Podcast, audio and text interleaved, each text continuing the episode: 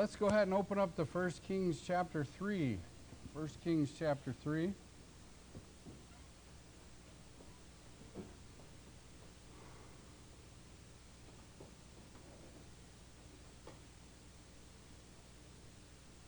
And let's just go ahead and pray before we get started, and then we'll jump in. Show you some familiar faces on the screen, maybe. All right. Let's, let's pray. Heavenly Father, we thank you that you are good and gracious to us. We thank you that you've worked in our hearts to bring us to Christ so that we recognize we cannot make it on our own, but that we need all that you've provided in your Son. We thank you, Father, for giving forgiveness of sins and eternal life through your Son. And we pray that we be encouraged tonight as we look at your word to see how you equip and provide for your people. And pray that you would give us insight and understanding from your word. And we ask these things in Jesus' name. Amen. All right, so I've uh, I forgot my presenter today, so I'm going to have to uh, kind of hunch over and uh, press the button. But anyone familiar with these guys here? Know the names of these uh, ancient Greek philosophers? Does kind of look like that. Uh, yes, yes, Socrates. What's the? There's the group of three of them. They tend to. Uh, Plato, Plato, Socrates, Aristotle. Aristotle. All right. These are the guys that are known for their what throughout history? Their wisdom, right? Well, or maybe you're more familiar with this face here. Another voice of wisdom. You guys uh, see? Oh, I'm sorry. It- yeah, yes. He says Socrates, Plato. Have you ever heard of Socrates, Plato? Uh, he says they're they're morons, right? He he's the one that's really wise. This is from a movie called Princess Bride, right? Um, so there's been a lot of claim for wisdom throughout history, but really we see in chapter 3 and 4 of 1 Kings how God gives wisdom to the king of Israel, the King Solomon. All right? And we're going to see how God says that wisdom that he gives Solomon is greater than any of the kings of his day or those that would come after him. All right? So let's look at uh, 1 Kings chapter 3 and at least read uh, verses 1 through 4 here to see uh, Solomon before he gets this wisdom. So we're going to see there is a need for wisdom. Point number one there's a need for wisdom for the kids there. Um, a need for wisdom. Um, verses 1 through 4. It says, Then Solomon formed a marriage alliance with Pharaoh, king of Egypt, and took Pharaoh's daughter and brought her to the city of David until he had finished building his own house and the house of the Lord and the wall around Jerusalem. The people were sacrificed were still sacrificing on the high places because there was no house built for the name of the Lord until those days. Now Solomon loved the Lord, walking in the statutes of his father David, except he sacrificed and burned incense on the high places. The king went to Gibeon to sacrifice there, for that was the great high place. Solomon offered a thousand burnt offerings on that altar. All right? Um, so we have here in verses 1 through 4, I believe, the introduction to Solomon now reigning because his kingdom has been firmly established, as we talked about the last couple of weeks. He's removed some problem people, but we see Solomon starting off his reign, and there's some foreshadowing going on here of some problems. There's foreshadowing of some problems that are significant for the book of Kings. What did you notice in verse 1? Verse 1, do you see a problem in verse 1? I do. I see a problem of a alliance or a marriage here. I'm sorry. yeah, I asked a question. I didn't give you a chance to respond. All right. So there's a problem with joining forces, in a sense, with Pharaoh, the king of Egypt, by marrying the daughter, his daughter. Now, um, if you read, if you read people who uh, have written books uh, speaking to, trying to explain different passages of Scripture, a lot of them that write about this aren't so negative on this, and they say, well, there's it's a sign of Israel being in a state of power and having good influence in the world. But we know with Solomon especially, we see later on in the book of Kings that this is his downfall. He's marrying foreign women that lead his heart astray. And it's something God said the king shouldn't do. So he's marrying a foreign woman. Now, uh, the biggest prohibition that's very loud and clear that we see is really the, the prohibition against marrying Canaanites, right? He says when you go into the land of Canaan, you're to wipe them out. You're not to take their, their uh, daughters for your sons and things like that, to have uh, intermarriage with them. But we see uh, the pattern in Solomon's life, and this is just a foreshadowing of that coming problem. That Solomon likes foreign women, and they eventually influence him away from the Lord. So we have here, um, even though we're going to see in this chapter and the next one, great wisdom, and yet there's foreshadowing of problems to come with Solomon. All right, so there's a, marriage of an Egyptian woman. We also see the problem here of sacrificing on high places, or the mixed worship, if you will. Um, it says in verse 2 the people were still sacrificing on high places. Now, it tells us the temple isn't there yet, and the tabernacle was. Uh, uh, dis- uh, the tabernacle was uh, disassembled or went through uh, a, a, huge change, and it was in Shiloh in the day of Eli. And then when the, the ark was taken, it took a long time for the children of Israel to get the ark back. And, and then eventually David moves it into Jerusalem again. But there was a lot of chaos and time where there was, they were without the ark, and they had been using high places to worship. Now, if you look with me um, I want you to look at Deuteronomy 12 just for a minute. We'll jump back to uh, 1 Kings, but I just want you to see this concept of high places again is a very important concept to the book of Kings because it's connected with pagan worship and it is one of the downfalls of the children of Israel throughout this book that we're going to see repeatedly that even in their best times the statements will be made by the author of Kings that they still didn't remove the high places. Um, and why is that important? Look at Deuteronomy chapter 12. It talks about the high places when they go into the land of Canaan. Notice what he says in uh, chapter 12, uh, five verses here. It says, These are the statutes and the judgments which you shall carefully observe in the land which the Lord, the God of your fathers, has given you to possess as long as you live on the earth. You shall utterly destroy all the places where the nations whom you shall dispossess serve their gods. On the high mountains and on the hills and under every green tree, you shall tear down their altars and smash their sacred pillars and burn their asherim with fire, and you shall cut down the engraved images of their gods and obliterate their name from that place. You shall not act like this toward the Lord your God, but you shall seek the Lord at the place which the Lord your God will choose from all the tribes to establish his name there for his dwelling, and there you shall come. All right, so God makes it clear that these places that the pagans have used for worship are to be totally dismantled, and there's to be one place where they're to worship the Lord.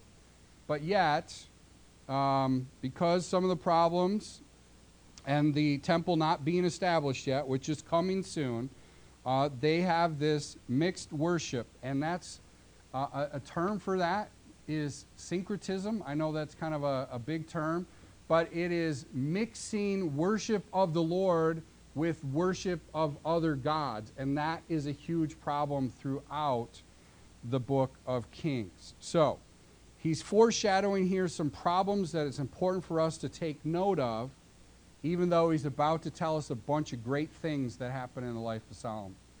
And it's pointing to the downfall of the kings. Remember, the book of Kings was written after the fall of Jerusalem and, and probably when they're in captivity in Babylon. And, and the Israelites are asking the question why did God allow his people to be taken captive? All right? This is a key part of it.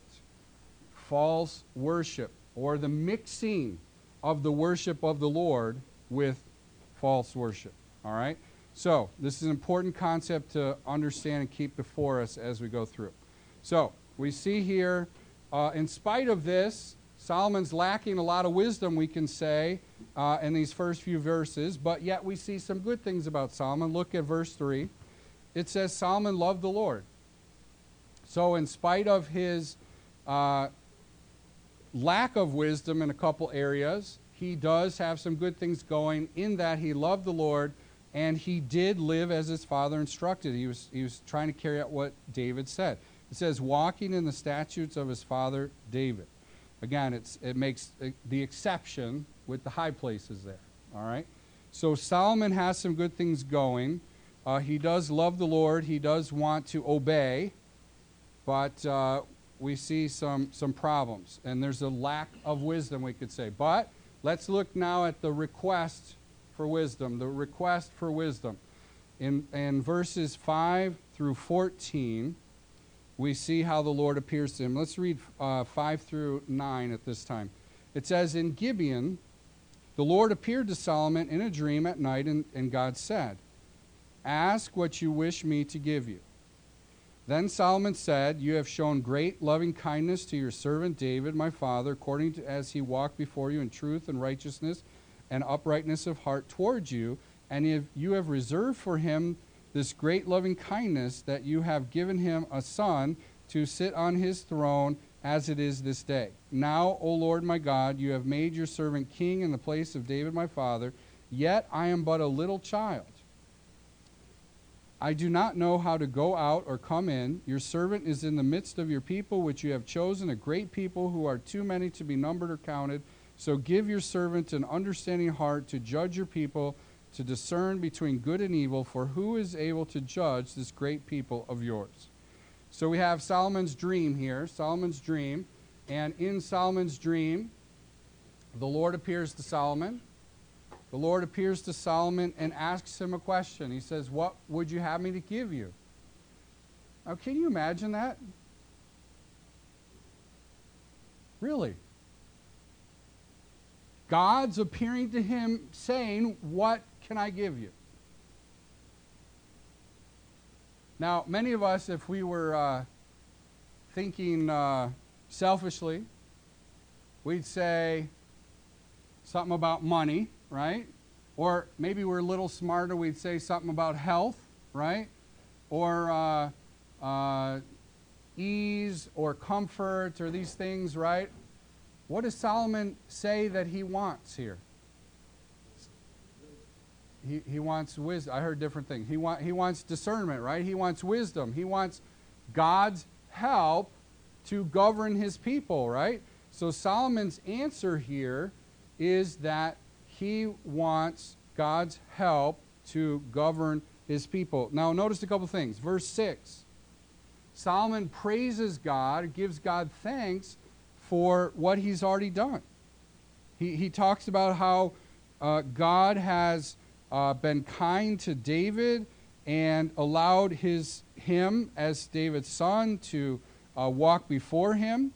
So he's thankful to God for his position of authority that he now has. So he's expressing thanksgiving. He also talks about humility. He talks about the fact that he's a little child, he doesn't even know what to do. So he's admitting humility, and then he gives this great request asking for discernment on how to lead these people. So, what is God's response to this request? Look at verse 10. It was pleasing in the sight of the Lord that Solomon asked this thing. Solomon asked a good thing. Obviously, because God is pleased. Why is God pleased? Well, God says in and verses 11, uh, he says in verse 11 that he's pleased because he didn't ask for what might be common that people would ask for long life, that they ask for riches, that they ask for the lives of their enemies. Solomon didn't ask for any of that. God's pleased with this. But I, I'd encourage you to also think about this, and this is good application for us too. Solomon asked for God's help to take care of God's people. If you think about it that way, that applies real nicely to us too, doesn't it? We can and should be asking for God's help to serve his people. We need to be asking for that same kind of wisdom, that same kind of guidance, that same kind of help. God is pleased because Solomon's request isn't selfish. His request is to take care of God's people, which is the exact job that he's supposed to be doing. So he's asking for a great thing. So there is a display of some wisdom even in asking this. But Solomon asked for a good thing, and then look what God promises in verses 12 to 14. He says, Behold, I've done according to your words. You've got it. He says, Behold, I have given you a wise and discerning heart, so there has been no one like you before you, nor shall one like you arise after you. I have also given to you what you have not asked, both riches and honor, so that there will not be any among the kings like you all your days. So God promises here, He's already got it. He's already answered that request. He's given him wisdom. He's also going to give him riches and honor, and there's not going to be anyone like him. Now, we'd make one exception. Who is the one exception that's better than Solomon? The Lord Jesus Christ, right? In fact, when Jesus is talking, he's rebuking Israel, he's saying, The Queen of Sheba came to hear the wisdom of Solomon, and yet there's here with you one greater than Solomon. Jesus Christ is the only exception to that. All right? But uh, otherwise, there's no exception to what's being said here. Now, he does give one conditional promise in verse 14. He says, If you walk in my ways, keeping my statutes and commandments as your father David walked, then I will prolong your days. All right? So he needs to walk with the Lord to ultimately uh, see that blessing. But uh, he is promised here that he has wisdom, he's going to have riches and honor.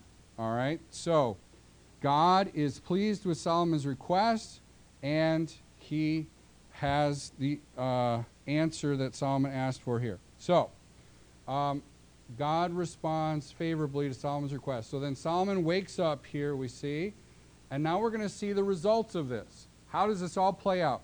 The rest of chapter 3 and the, the rest of chapter 4 all describe results that happen as a result of this wisdom that God gives to Solomon.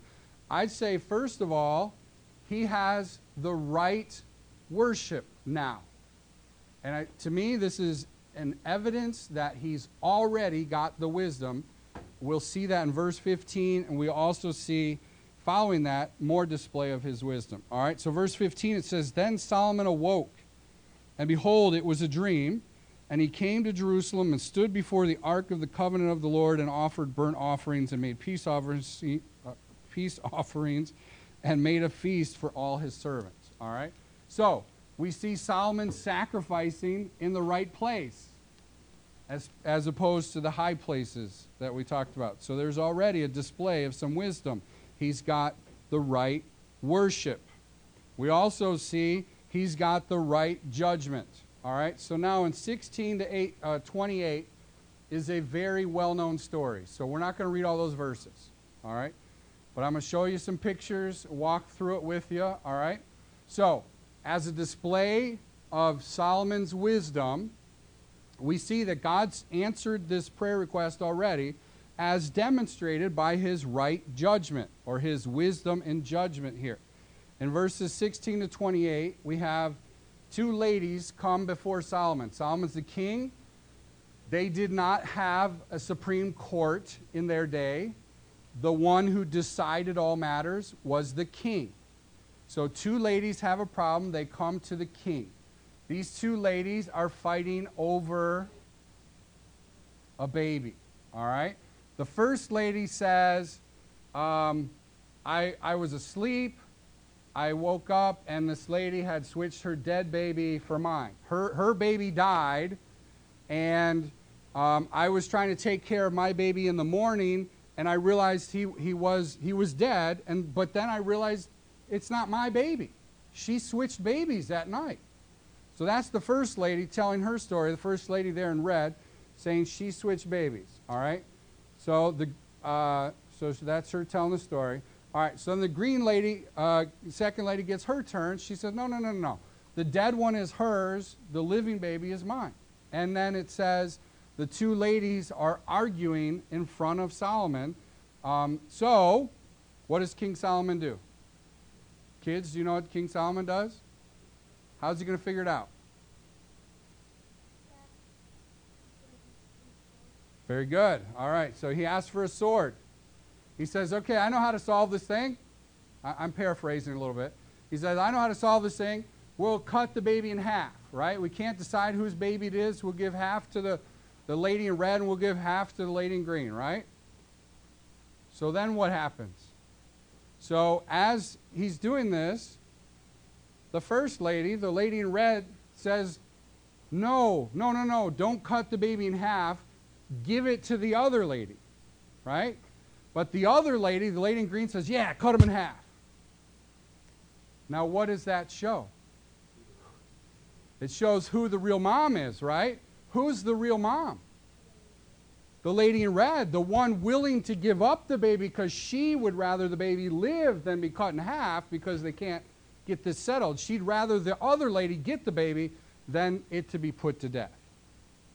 That showed who the real mom was, right? Now, we've heard this story, uh, adults, we've heard this story, so in some sense we think, oh, yeah, of course, right? But this really is a display of the wisdom of God that he gave to Solomon. He knew how the real mom would respond, so he gives the real mom the baby. And uh, what happens then, look with me at verse 28 what happens then as a result of this wise judgment? It says, All Israel heard of the judgment which the king handed down. They feared the king, for they saw that the wisdom of God was in him to administer justice. What's happened? God answered prayer, right? God equipped his ruler with the wisdom to take care of his people we should pray in similar manner to Solomon for wisdom to serve God's people.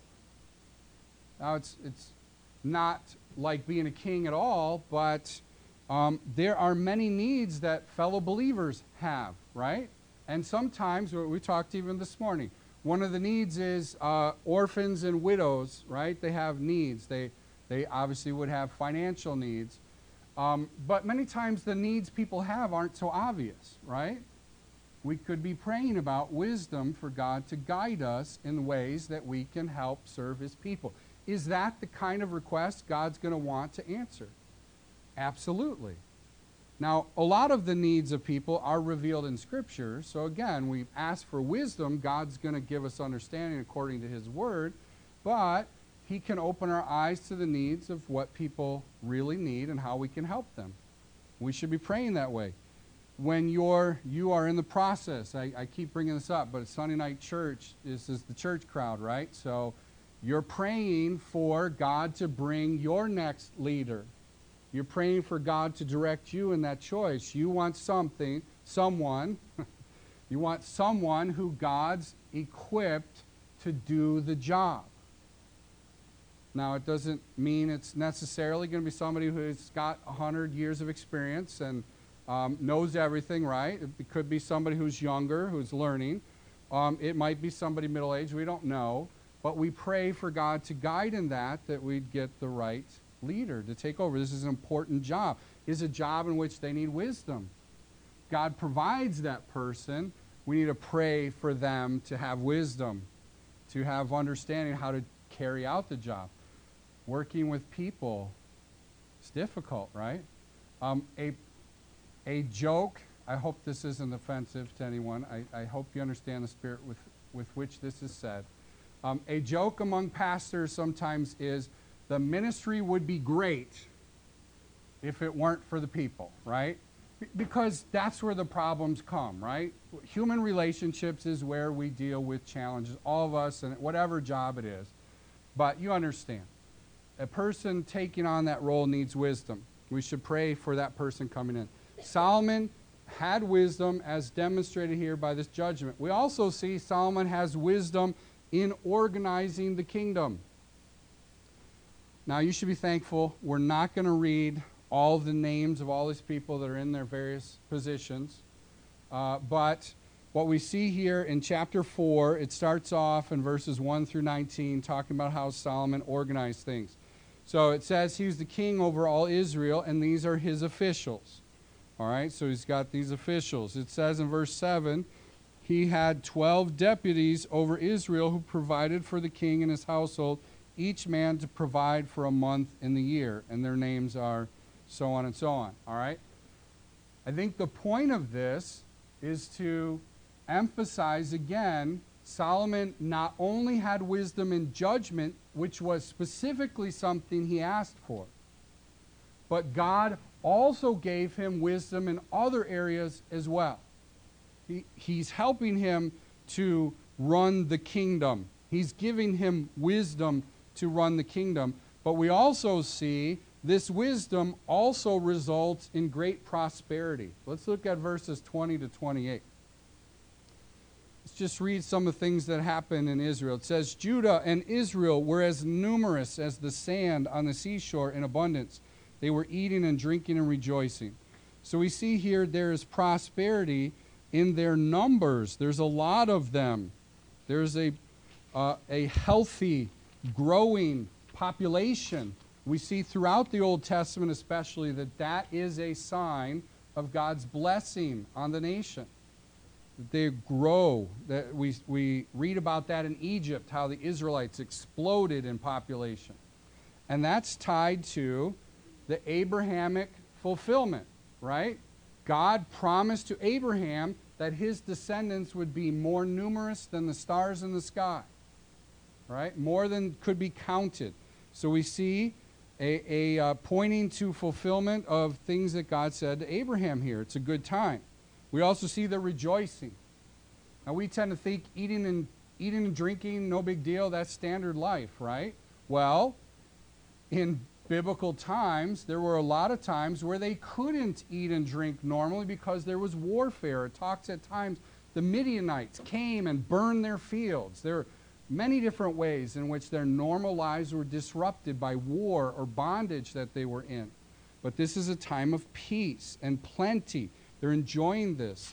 Um, we also see in 22, it says uh, about Solomon's provision. He had provision for one day was 30 kors of fine flour, 60 kors of meal, 10 fat oxen, 20 pasture fed oxen, 100 sheep besides deer, gazelles, roebucks, and fatted fowl. Um, Unfortunately, I can't translate all of that into modern terms what that means, other than the ones that are, you know, the, the, the oxen there. But the point of the passage is simply there was plenty. It was a time of abundance. It was a time of blessing. It's a result of the wisdom that God has given to King Solomon and his blessing on his people at that time. Look at verse 25. There's an interesting couple phrases here. It says, So Judah and Israel lived in safety, so it's time of peace, every man under his vine and his fig tree from Dan to Beersheba all the days of Solomon. So there's kind of a couple interesting phrases there. It says, every man under his vine and his fig tree. Again, the idea is there's peace and people are able to grow things in their own vineyard, their own orchards, they're able to grow things and eat of it. It's a time of peace. It's a time of contentment and rejoicing. And he uses this phrase, Dan to Beersheba. Does that make sense, what that means? You heard that explained before? All right, I wasn't sure. So I, I had a little map here for you. Basically, it's saying from the top of Israel is Dan, all the way down to the bottom of Israel is Beersheba. So if he's taking the top and the bottom, therefore, the point is everything in between, right? So the whole kingdom is enjoying unity and peace, prosperity. What a great time to live, huh? Under the kingdom of Solomon with the wise ruler. Now, God's blessings nowadays are not, we, don't preach a prosperity gospel, right? We understand ultimately the, the blessings uh, and this kind of thing is ultimately going to happen in the millennial kingdom and uh, eternal state. But there are times and seasons where God does give blessings in countries or cities, and we should pray that God would give us leaders in our country who are wise, who are discerning, who will make right judgments. We should pray. Paul tells us we should pray for all those who are in authority, that we'll continue to have peace, and that we'll continue to have opportunity to share the gospel. That certainly has been under attack in recent years, hasn't it? They, they try to take down certain radio stations that present a, a conservative viewpoint, or, or they try to uh, limit what can even be preached in churches. Um, there's a need to pray for God to give us wise leaders. We should pray for our leadership. All right, but it was a great time in Israel. We also see they had plenty of war supplies as well at the end of it. But I want to focus as we uh, get to our last uh, example of the results of wisdom tonight on the last verses in chapter 4, verses 29 to 34. I want you to see here Solomon's wisdom as God promised. Again, a fulfillment of what he promised. Solomon's wisdom is beyond compare. It's beyond compare. Look at uh, starting verse 29. It says, Now God gave Solomon wisdom and very great discernment and breadth of mind, like the sand that is on the seashore. Solomon's wisdom surpassed the wisdom of all the sons of the east and all the wisdom of Egypt. For he was wiser than all men, than Ethan and Ezrahite, Heman, Calcol, and Darda, the sons of Mahol, and his fame was known in all the surrounding nations. He also spoke 3,000 proverbs, and his songs were a 1,005. He spoke of trees from the cedar that is in Lebanon, even to the hyssop that grows on the wall. He spoke also of animals and birds and creeping things and fish. Men came from all peoples to hear the wisdom of Solomon from all the kings of the earth who had heard of his wisdom. So notice with me quickly this, the source of the wisdom, though. Is it that Solomon really is this great? What's the real source of the wisdom? It's God. Very clear. It came from God. And Solomon is a man. He knows far less than God, even though he knew much more than the other people of his day. All right? Solomon had great wisdom, but its source was God. His wisdom was superior. Notice it says it surpassed the wisdom of all the sons of the east and all of Egypt. It was, and, and notice the subjects of his wisdom. What did he know about? He had ability to make uh, wise decisions and judgments. Well, it says he knew about plants, trees, birds, animals, all kinds of things. Solomon's wisdom was very, very broad. He knew about a lot of things. It also says there was a huge scope of interest in this knowledge. Notice it says in verse 34 men came from all peoples to hear the wisdom of Solomon. The knowledge of his wisdom spread throughout the world, and other people wanted to learn from him. Other people came to hear from him. We see that later on with the Queen of Sheba as one example of that in chapter 10. She comes from a great distance to hear of his wisdom. But all of this is a fulfillment of what God said he would do in Solomon's life. He's already answering what he said he would do. But we also see in the greater picture, and as we go through the book of Kings, we'll see this play out, Solomon ultimately, in spite of this wisdom, is not that promised son of David that will eventually come. He is not the Messiah, and he is ultimately going to fail because he loves many foreign women, the Bible tells us, and they turn his heart away from God. So we're going to see, in spite of this great wisdom, in spite of this great start, it looks promising. It's a great time of prosperity. But Solomon ultimately isn't going to remain faithful to God. And that is a huge challenge and reminder to us. We need to remain faithful to God. The secret of success is obedience. Solomon, even though so wise, having such a great understanding, still needed to obey God.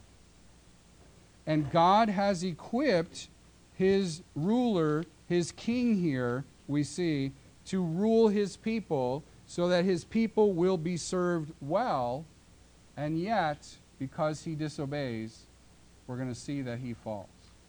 So, in conclusion, uh, God does equip his ruler.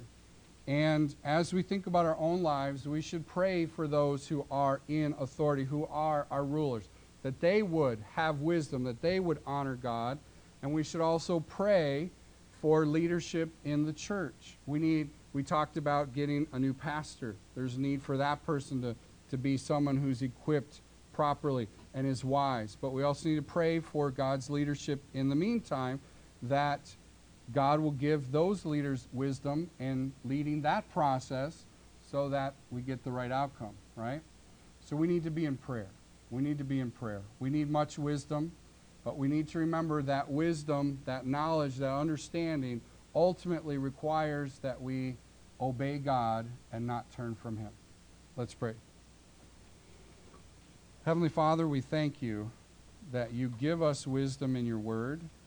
We thank you that we can learn from both good and bad examples in your word. And, and we pray that you would help us to grow in wisdom, that we would better know how to serve you and serve your people. And we pray that you would help us to obey, that you'd help us to be dedicated to serving you, not ourselves. And we pray that you'd help us to be discerning, to stay away from those things or even people, that would lead us away from you. And we ask these things in Jesus' name. Amen.